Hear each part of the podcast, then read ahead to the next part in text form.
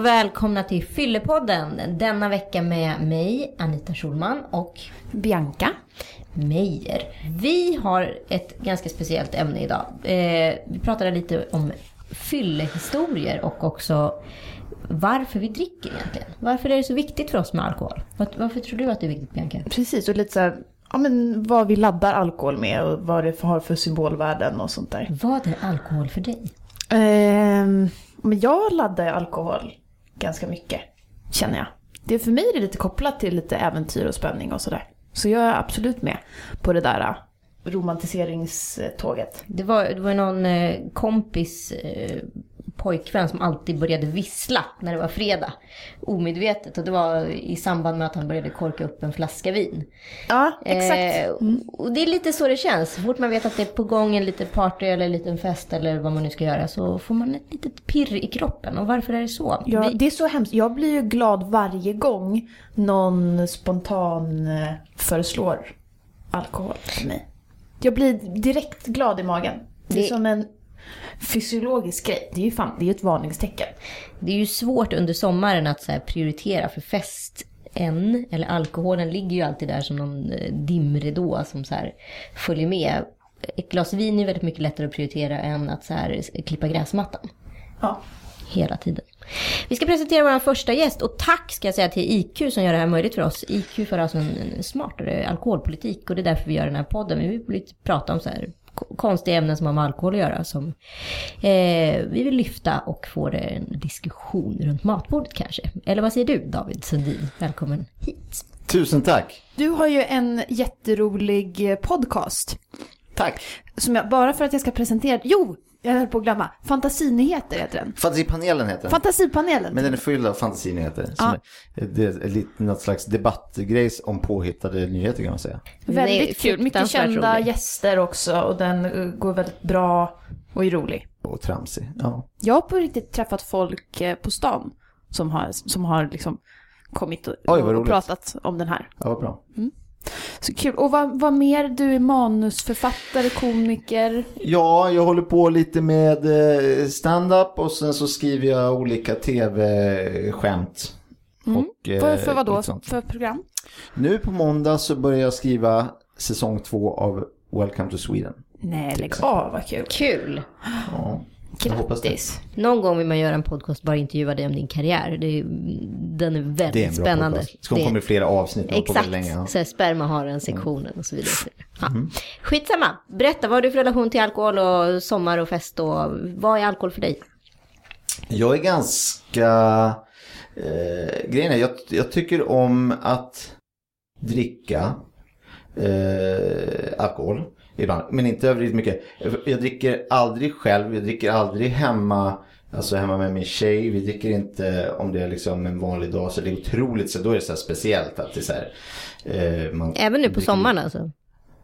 Ja, eller då kanske lite mer. Nu har vi varit och flängt så mycket så här, och då, eh, då dricker man ju lite mer för att man är ledig. Så där. Men om vi är hemma, så en vanlig dag och äter middag, då är det otroligt sällan som vi skulle dricka vin eller öl till det. Jag tror det är bra att hålla på den.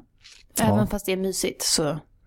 Ja, men det är också för att det, alltså jag tycker att det är gott, men jag tycker att det kräver en viss liksom, stämning och inramning, för det är inte så gott. Det är inte så gott så att, man, eh, så att jag själv skulle vil, vilja, så- då tycker jag, om, om jag, det finns liksom läsk och öl i kylen. Ja men det säger jag jag med. godare med läsk. Ja, men jag tycker hellre en, en förlåt det är svintråkigt, Ramlösa än, en, än en, ett glas rosé. För att det, har ju bara, det är ju bara en stämningsförhöjare för mig. Eh, och då är ju frågan om man verkligen vill göra det varje dag. Nej, men precis.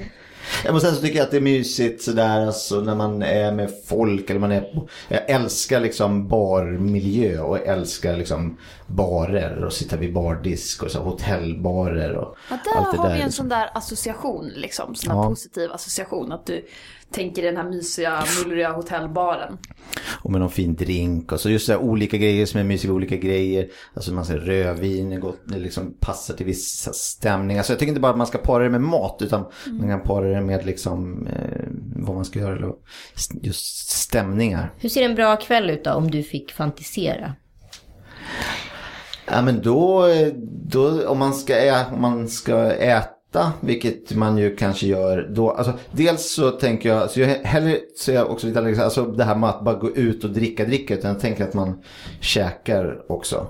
Eh, sen såklart så kan man hamna på, liksom, på sådana där drickartåg. Men att man eh, sitter ner, man dricker en, en kall eh, dry martini till, eh, innan när man slår sig ner. Och sen så kanske man får en eh, sillbit med en öl och en snaps. Och sen så får man en köttbit och ett glas rött. Och sen så får man kanske en whisky.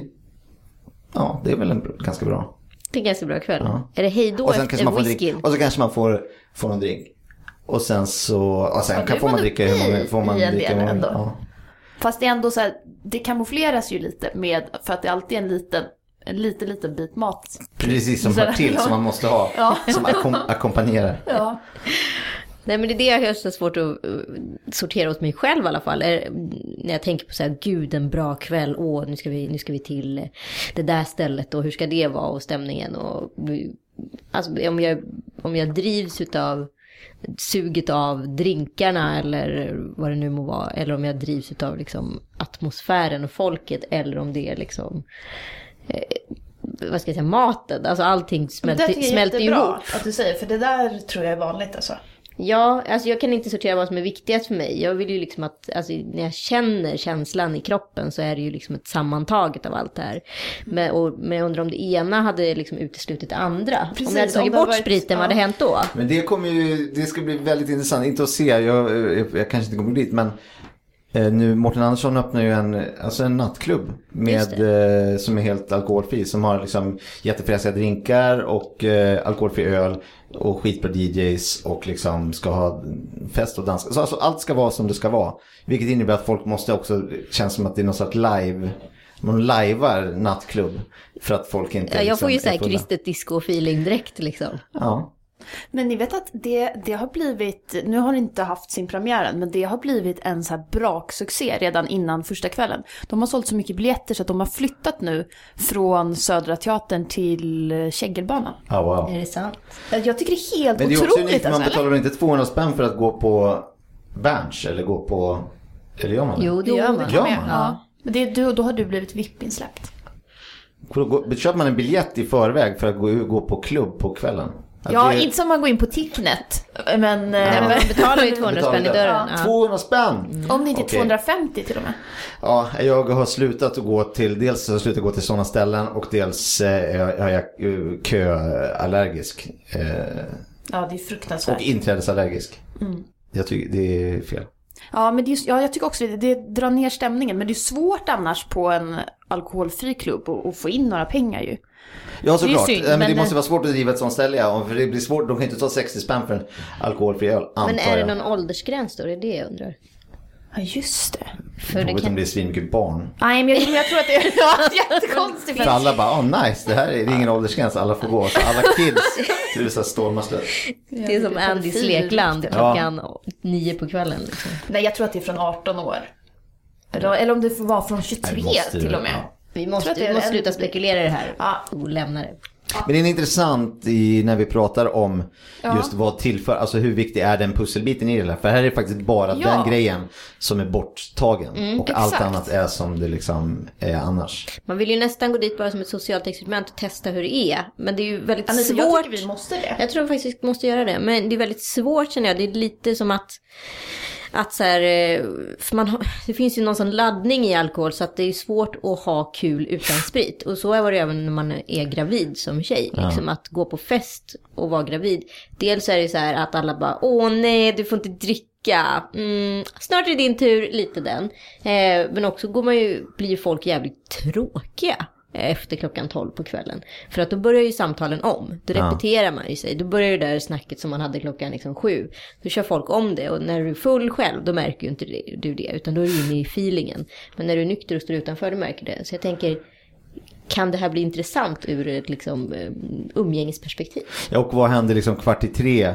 Det är det, jag skulle vilja stå där utanför kvart i tre när alla kommer ut och bara Ja, nej. ehm, Ska vi... Kör efterfest? Ja, eller... Nyktra? Ja, nej, ja, liksom, det blir, alltså hur funkar liksom raggning och efterfest och alla de där grejerna? Ja, verkligen. Ja.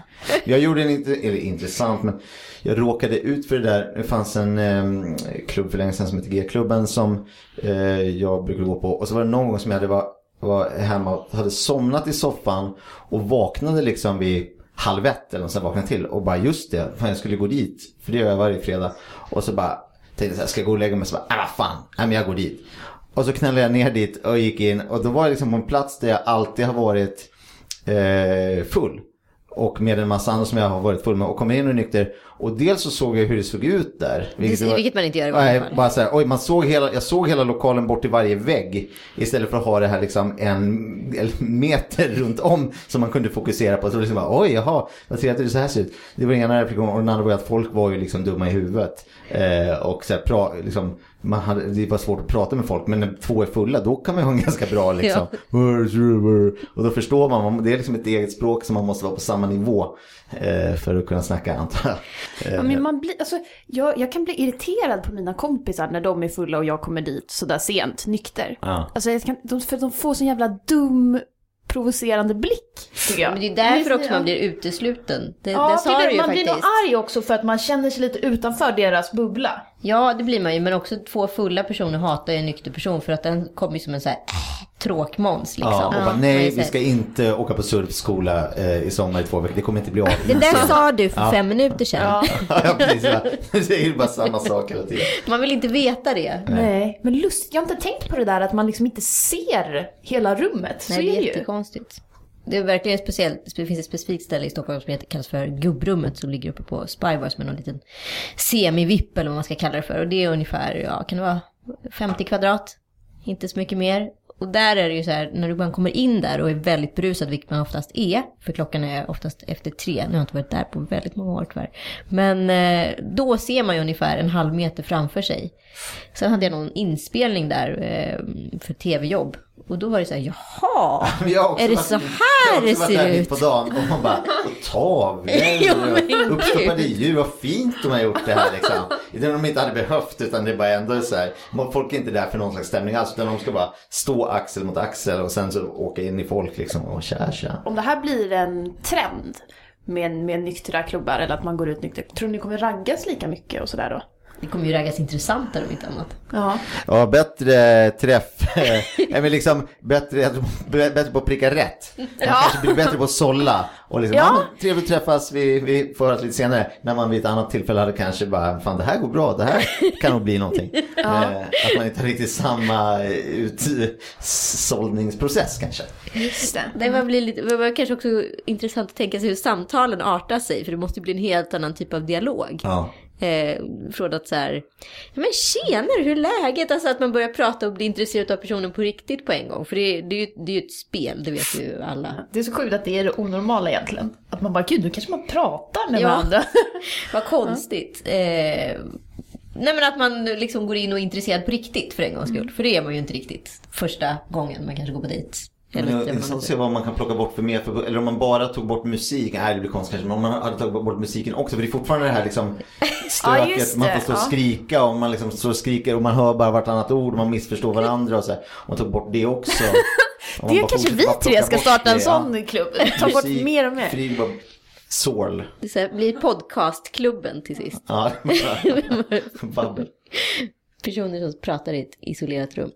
Men vad har du för laddningar då med, med alkohol? Men jag har jättemycket laddningar med alkohol, men jag har också så mycket så här diskussioner inombords med mig beträffande alkohol. Och det, jag vet inte om det är kopplat till att man är tjej eller att man är, att man är mamma eller vad det nu är. Men någonting så här i mig säger att så här, jag känner mig ofta, alltså jag, jag vet inte, många, det är lite olika vilka stadier man är i livet, men jag får sån ånger, inte ångest, Ja. utav att vara packad. Det händer inte så ofta nu för tiden. Det händer någon gång två per år. När det är liksom någon big party, vårfest eller liksom en kräftskiva. Och även om jag inte har gjort bort mig eller någonting, så dagen efter jag kan vara så här, nej men gud varför sa jag det där för? Åh herregud, och varför, varför, varför lovar jag det där? Vad i helvete håller jag på med? Att det hela tiden kommer upp så här. Och det kan sitta kvar i mig så här flera år efteråt. Men gör det också så att du inte blir så full nästa gång. Ja, men det är väl klart att- tänker på det där liksom så här, nu ska jag verkligen inte Nej, men det är klart hamna att jag gör. Men sen så ibland så när man kanske inte vet jag, inte har ätit på hela dagen, stressat till ett fredagsvin och så blir man liksom får jävligt bra på arslet lite för tidigt liksom. Då, nu för tiden går man ju hem. Men förr i tiden kunde man ju liksom, nej men det här, nu så lägger man i växel två så kör man på. De kvällarna har jag så mycket ångest för fortfarande. Som så här verkligen spårar ur. Och det behöver inte betyda att det blir något dåligt händelsevis. Mer att det blir så mycket utav mig. Kan inte ni må dåligt utan Jo. när det blir mycket av sig själv? Så Jo. man känner så här, men varför gjorde jag det där? Varför sa jag det? Varför, varför skulle jag prata med de där två? Nu har jag, nu har jag startat en konflikt här som inte behövdes. Ja. Men det är väl också att, man, alltså att det är en kontrollgrej. För att om man har varit sådär full så minns man inte exakt, då minns man på ett ungefär vad man sa sådär. Och då har man ju också lite, då finns det lite luckor som man kan fylla in och peppra på. Liksom. kanske är kroppens sätt att säga det här vill du inte, Det här vill du inte det här vill du inte behöva tänka på när du vaknar imorgon. Så vi suddar, suddar ut det bara. Men det vidriga är ju när man vaknar på morgonen och bara känner så här, fan vad kul jag hade igår. Sen så kommer liksom en flash på Ja, eftermiddagen. nej, nej, nej, nej, du har sagt till honom att han har en affär med henne. Ja. Eh, oj, det var inget bra. Och sen så kommer det en flash till och så börjar det liksom matas på de här. Det är som att så här, Gud så här, sitter med en piska och rappar den liksom. Jag eh, vaknade en morgon och mä- märkte, eller senare på, efter, eller på kvällen dagen efter så upptäckte jag att jag inte hade några pengar på mitt kort. Och tyckte det var så jävla konstigt och hade varit ute kvällen innan. Så det var så jävla konstigt och fattade inte vad, liksom, vad kunde jag ha gjort. Det var ändå liksom så mycket pengar kan man inte dricka upp liksom.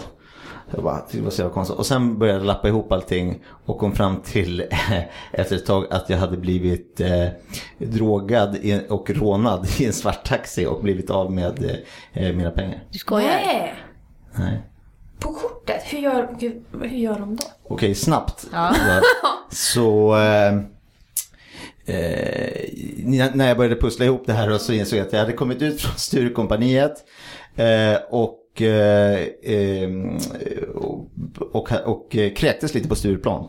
Är ju lite Ja, bara lite, alltså en sån här snygg, otroligt snygg liten bara en spottkräkning. Och började gå hem, jag bodde på eh, Oxtorget jättenära, bara gå Kungsgatan upp så var det liksom klart. Men kände att jag skulle behöva ha lite mat i, mat i magen. Eh, då kommer det en eh, svart taxi och eh, liksom stanna till lite för att kolla om jag... För så jag bara, fan det här är nice. Då kan jag få käka på... Eller käka på eh, McDonalds. Åka till McDonalds, hämta hamburgare och sen åka hem. Det blir perfekt. Så sa honom, du får, du får liksom 100 spänn om du kör mig till McDonalds och tillbaka i princip. Då till Vasa, Vasagatan, vilket också kanske var ett överpris. Vilket kanske inte är idén med det hela. Eh, Men då så började vi snacka där i bilen och jag bara, va? Har du inte käkat på Max? De gör ju de godaste hamburgarna. Och det låg ute i Solna då fanns det bara. Ja men du, vi åker dit. Jag bjuder dig på burgare om vi, om vi åker dit. Du är gullig eh, också. Ja, jätte. Och sen så åkte vi dit. Och det här, så som jag minns det då var, så var det att vi åkte dit. Jag köpte burgare till honom. Eh, käkade det och sen så skjutsade han hem mig. Och jag berättade det här för folk dagen efter. Det var så himla trevligt att bara kunna träffa en så här helt random kille som eh, liksom körde svarttaxi och var, han var så jävla god och schysst liksom. Och sen när jag började lappa ihop det här, då, var, då insåg jag att han bad mig att istället för att jag skulle betala cash så sa kan inte du, vi stannar och tankar så kan du bara tanka på kortet. Ja, då stod jag. han bakom mig när jag tryckte koden för den funkade inte den automaten så jag tryckte koden tre gånger.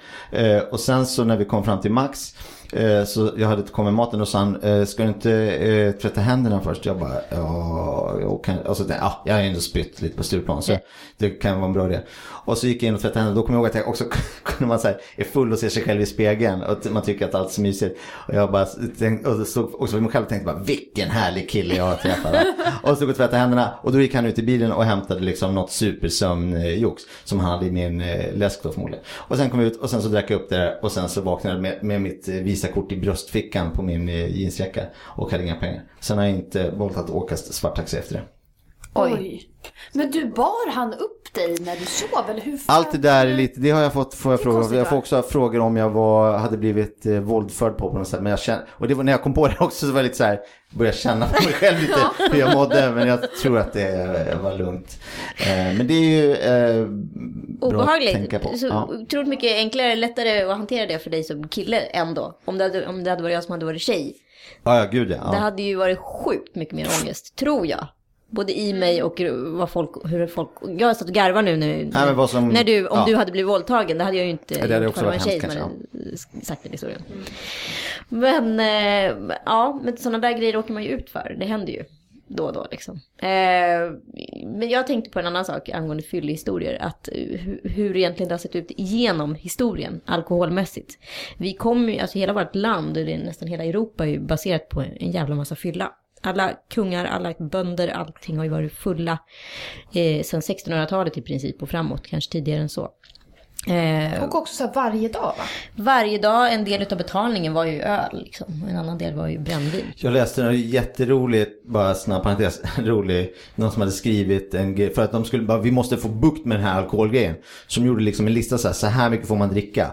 Och då var det liksom morgonsupen, Ja. den är ju precis när man slår upp ögonen, det är bara för att komma på fötter liksom. Exakt. Och sen så var det liksom supen som man får, frukostsupen. Och sen var det liksom upp till, sen en, en före maten för att liksom sätta igång eh, aptiten. Och sen en för att ta hand om matsmältningen. Och sen var det liksom uppladdat, så det var hur mycket sprit Ja, som men- helst. Och det var för att få ner det liksom. Exakt, det var, gick väl från så här, det var ju typ protester i Sverige på 1800-talet för att då gick det väl från, nu sitter jag och eh, höftar lite här med siffror, men jag har för mig att det gick från så här 8 liter i veckan till 4 liter i veckan och det var liksom, Folk blir galna. folk blev galna, det var ju så här protester och strejk.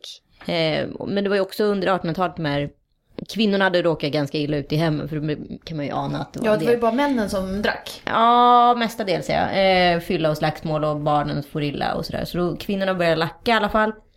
Eh, och de startade väl i princip de här nykterhetsrörelserna. Och ur nykterhetsrörelserna i, i, i sin tur kom, startade liksom socialdemokratin och allt det där. Så det är nästa steg. Men, men eh, man, man måste ju förstå att liksom, hade världen sett ut så här ifall vi inte hade varit så fulla? Hade Karl XII vunnit Poltava eller vad hade Ja, hänt? men det är ju helt sjukt med ett samhälle där alla är fulla hela tiden. Ja, det och ska ta beslut att, och styra eh, upp grejer. Ja, svårt att liksom få igenom lösa dagliga grejer. Nej, men för mig så blir det så tydligt, för man förstår ju att allting i historien tagit otroligt lång tid. Men det måste ju ha på grund av att alla varit fulla att göra det. Varför industrialismen har varit så effektiv, det är för att folk har druckit mindre, eller? Ja, alltså det finns ju mycket som man kan skylla direkt på fyllan då. Alltså mycket grymheter och sånt där tänker jag. Ja men absolut. De här, jag tänker på de här eh, Elizabeth Bathory och alla de där som har så här tortyrkammare och tortyrredskap. Men Ja. Man blir väldigt klurig antar jag, när Ja. man dricker så mycket. Det måste ju varit en massa sådana olika insikter, precis som Mårtens klubb. Att man, det här, det här, I den här affären så är man inte full när man handlar. Alltså varken personalen eller de som handlar. En ny grej vi ska testa. Så det är mycket, alltid mycket snabbare och mycket smidigare liksom. Och folk funderar på hur det ska, hur det ska funka liksom. Ja, och sen bara, men kan vara kul att testa och sen bara, men det här var smidigt. Men jag tänker förr i tiden när det var fylleslag, var det så att, att, det, att livet var så jävligt då? Så att, så att man drack för att bedöva sig? På eller? 90-talet. Nej men det måste väl ha varit det där, eller? Ja, fruktansvärt på 90-talet faktiskt. Enda vi gjorde. Det men kan ju inte vara men att, folk, lite så att att, att var- alla men var att- så festliga och roliga och crazy Men då fan, på det var ju 1600-talet. Flöt bajs på gatorna och liksom man hade pestkopper på armarna. Klart att man måste liksom. Men jag tänkte på det nu när vi var på Way Out West, alltså att vara på festival, det är ju som att gå tillbaka till liksom medeltiden, eller 1800-talet i alla fall. Ja, du sa väl, fast, fast Way Out West är lite renare Det är va? lite renare, men Hultsfred som vara och- på Roskilde 96, när liksom bajamajorna i princip flöt över, så fort man så här satte foten på. Det är 1800-tals live. Det är 1800-tals live, på riktigt. Eh, nej men det är klart man måste bedöva sig när allting stinker, för det är ju precis så det funkar på en festival, det luktar ju väldigt, väldigt mycket. Livet kan inte vara så vackert. Ja, så då var det inte en festgrej. Men vad gjorde de när de festade då? Det de ännu mer jag. Man vred upp till liksom elvan och bara. 11 öste liter i på, ja. veckan. Men de var väl också alltid alltså full, riktigt fulla hela tiden? Det var väl inte bara att de höll någon sån där äh, jämn, Typ salongs- halvnykter salongsnivå? Nej, det måste ju varit, ja, men det måste Du ju varit så såg ju den där listan. Hur mycket liksom- var det typ? Kommer du ihåg? Nej men nu minns jag inte vad totalen blev men, men det var ju liksom, det var ju i alla fall så att man fattade att det där blir man liksom packad på. Ja. Så det, det måste ju varit stökigt och... Han man få i sig en fyra stark på morgonen ändå? Ja men det var, alltså, och det där var väl om det var en rekommendation eller vad det var. Men det var väl så här för att säga, det här är lagom har vi kommit fram till. Och det var det liksom, så ja. på... Men det måste ju också vara väldigt konstigt i re- relationen i och med att kvinnan inte drack och mannen drack. ja men precis. Att, att alltid ha den här väldigt, väldigt berusade mannen hemma. Alltså de måste ha varit så avtända på sina män ja, allihopa. och ändå blev det så mycket barn och ja, det är ganska vidrigt att tänka på vilken mardröm det måste vara. En dålig tid. En dålig tid helt enkelt.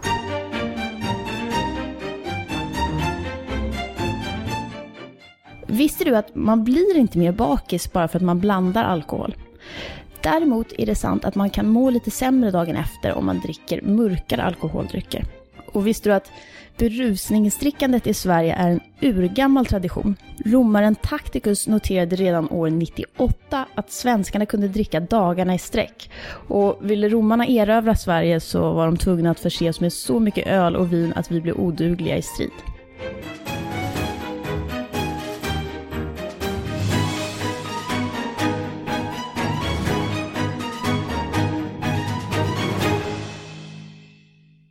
Kommer ni ihåg vad, vad ni hade för förväntningar inför första gången ni drack? Eller blev fulla? Hur ni trodde att det skulle vara liksom? Gud. Nej, jag tror man... Eh, jag trodde att man blev lite snurrig i pallet liksom. Vi drack nog hemgjort eh, vin i petflaska. Någon, Var det så att du hade laddat upp och trodde att det skulle bli så jävla kul?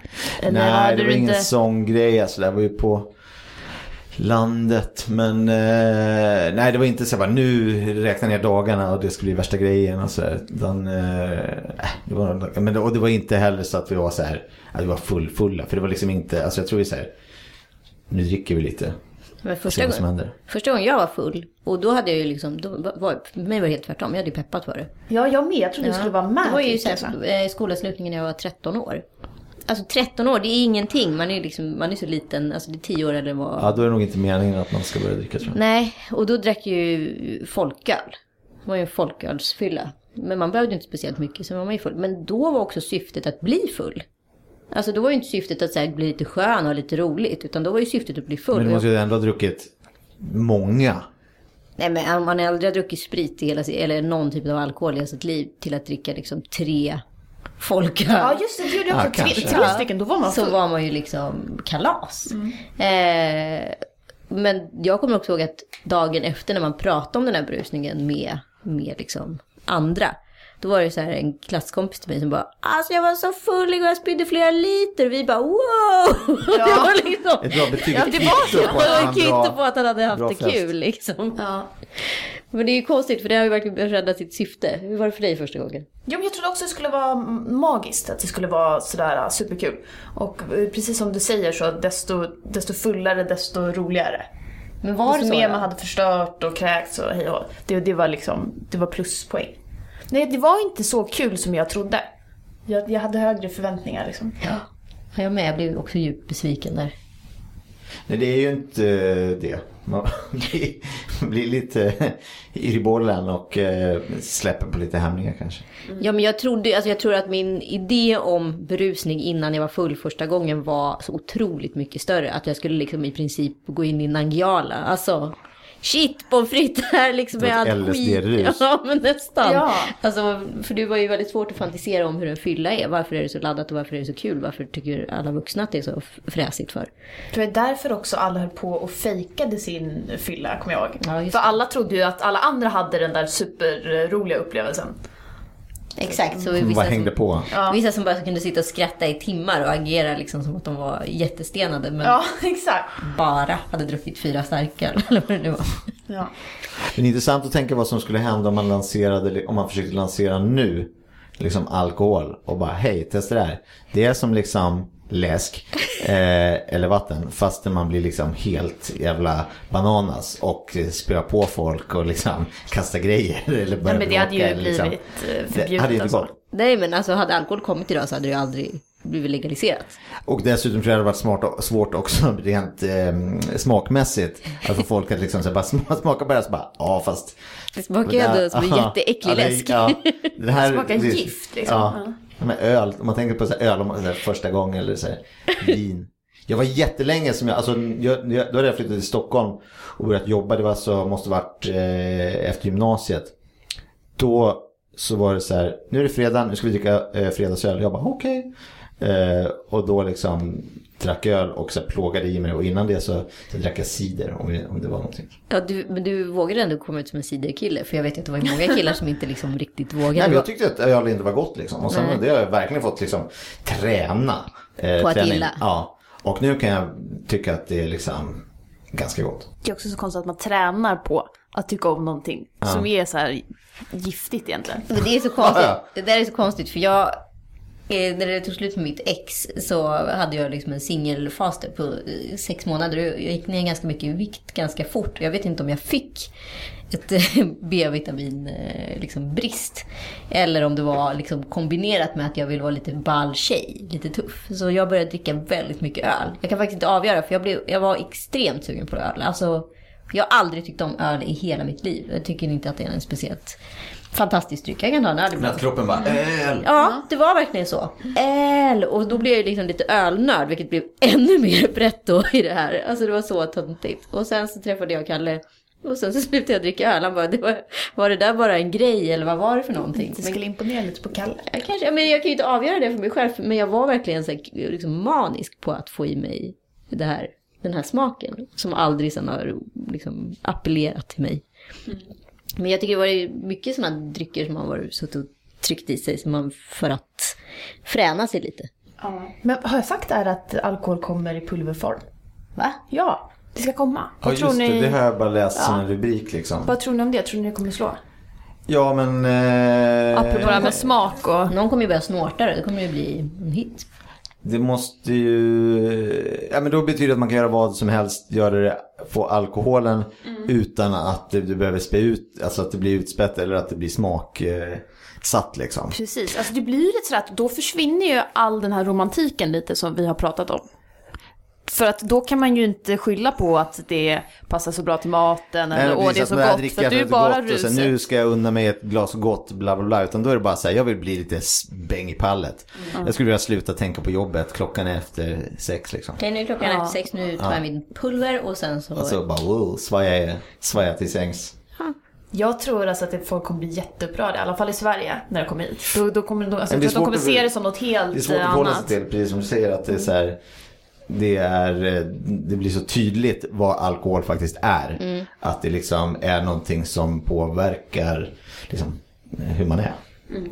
Och jättebökigt med så här, alltså ta med sig en låda pulver eh, när man ska liksom resa mellan länder eller ha med sig på krogen i en, i en kasse med, liksom, med pulver om vad som händer liksom. Bjuda svärmor på middag första kvällen och Ja. ge henne liksom en liten pulverdos. Hur ska det gå? Ja, man måste ju kunna ha det i mat eller göra strö över en tårta eller alltså få folk bli svinpackade genom att bara... Alltså det känns som det finns så mycket eh, krångel med det, mer än vad som är liksom fördelen. Att det måste vara liksom jäst eller destillerat. Ja, jag tycker alltid allting får en ny användningsform så fort det kommer ut bland konsumenterna. Så det något kommer väl. Men kommer alkoläsken tillbaka? Jag såg ju häromdagen på Instagram att någon kompis drack hooch. Oj, Nej. finns det ens? Ja. Jag vet visste inte ens att den fanns kvar, men tydligen. Hon har fått en, jag upp, eh, en uppsving kanske. Ja. Nej, jag tror inte det. Jag drack ett par Smirnoff Ice i nu i sommar när jag blev lite så här öl. Det känns också retro. Ja. Ja, verkligen. Då när jag jobbade med reklam så jobbade jag väldigt mycket med Absolut Vodka och gjorde reklam för eh, vodka. Det är ju svårt eftersom all annan alkohol så kan man just göra så här, prata om eh, just smak och koppling till mat och så här. Och visst, det kan man göra på ett sätt med vodka, men där är det väldigt tydligt att det är så här. De vill ju att det ska smaka så lite som möjligt.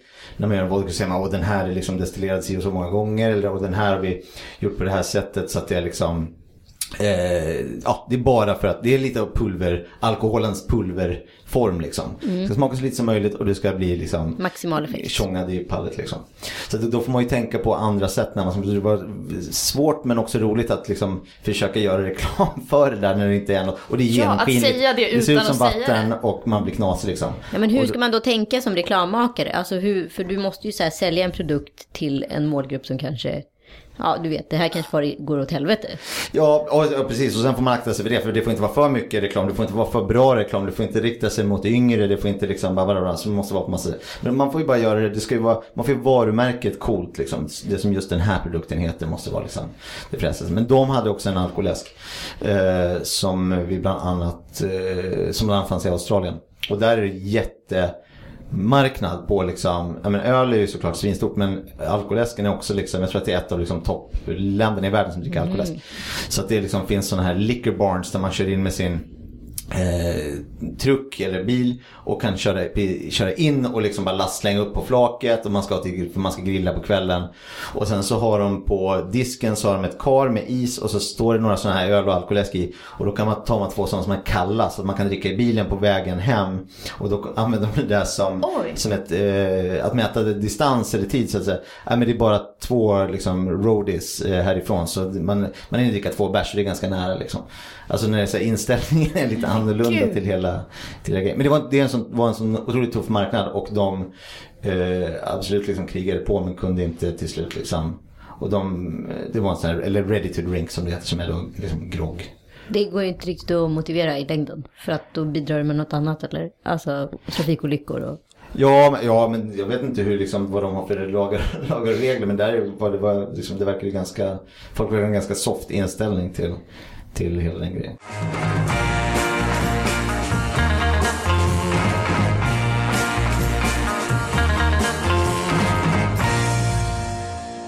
Jag har pratat med läkaren Sven Wollin som säger att alkohol är en stor del av kulturen i de flesta industriländer. Men att de flesta människorna på jorden faktiskt inte dricker någon alkohol alls. Men i Europa så har vi högst konsumtion i hela världen. Och våra alkoholvanor har förändrats de senaste 30-40 åren. För 100 år sedan så drack svenskar nästan bara starksprit. Och det var bara män som drack och man drack enbart i berusningssyfte. Och den typen av drickande övergick sen till öldrickande och sen så var det vinet som var senast in på arenan. Och det är också vinet som nu är den ledande drycken. Och sprit är däremot minst populärt.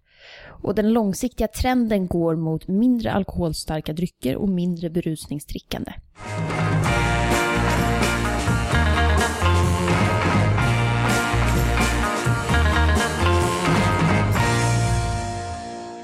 Har ni, har, ni, har ni kört under eh, influenser, höll jag på att säga, någon gång? Nej, jag, har ju inte körkort. så jag... heller. Jag har körkort och jag har kört i Paris. Jag har kört. Har du? Ja. Men tänkte du då så att ja, men det är lite lugnare här så att... Nej, Eller snarare för att man fick. Ja, för att man fick. Ja. Så det var liksom inom lagens gränser Ja. men det var ändå liksom. Jag tror jag drack eh, ett och ett halvt glas vin och satte mig i bilen. Det kändes det då jättekonstigt. Det var sinnessjukt märkligt. Alltså jag var ju både modigare. Alltså det finns ju en jättestor, eh, helt sinnessjuk rondell uppe vid eh, Triumfbågen. Ja. Som är så här typ tio filer, inga markeringar. Och så åtta stycken exits tror jag det är. Eh, och den hamnade jag i och liksom klarade inte av att ta mig ut första varvet så det höll på att bli en sån här päron till farsa.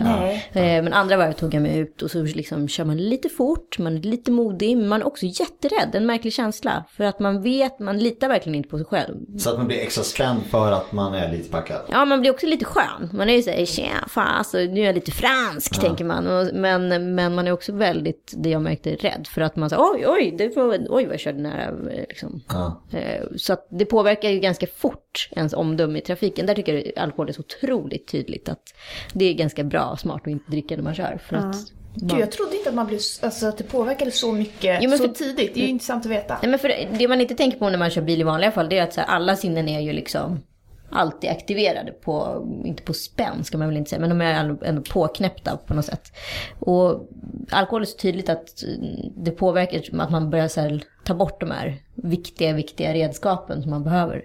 Men visst var det så att du kände det mer när du satt i bilen än vad du kände det i kroppen när du gick från restaurangen? Och att det blev Ja, mer ja, ja. Absolut. Eh, för på restaurangen så var det som, ja, det var ingenting. Alltså, men, eh, men verkligen konstigt. jättetydligt när man satt vid, vid ratten. Vi måste ta och, och avrunda här. Tack så jättemycket Mats Sundin. Superkul! We better keep that one. Ja, det, ja, du, du får man, ska inte, man ska inte dricka när man kör bil eller spelar in podcast. Kan jag väl bara summera. Tack så mycket, tack så mycket Mats Sundin för att du kom, David. Eh, vi vill tacka, låtsas att det var det. ja, vi tackar IQ jättemycket för att vi har fått här, göra det här. Ha det så bra.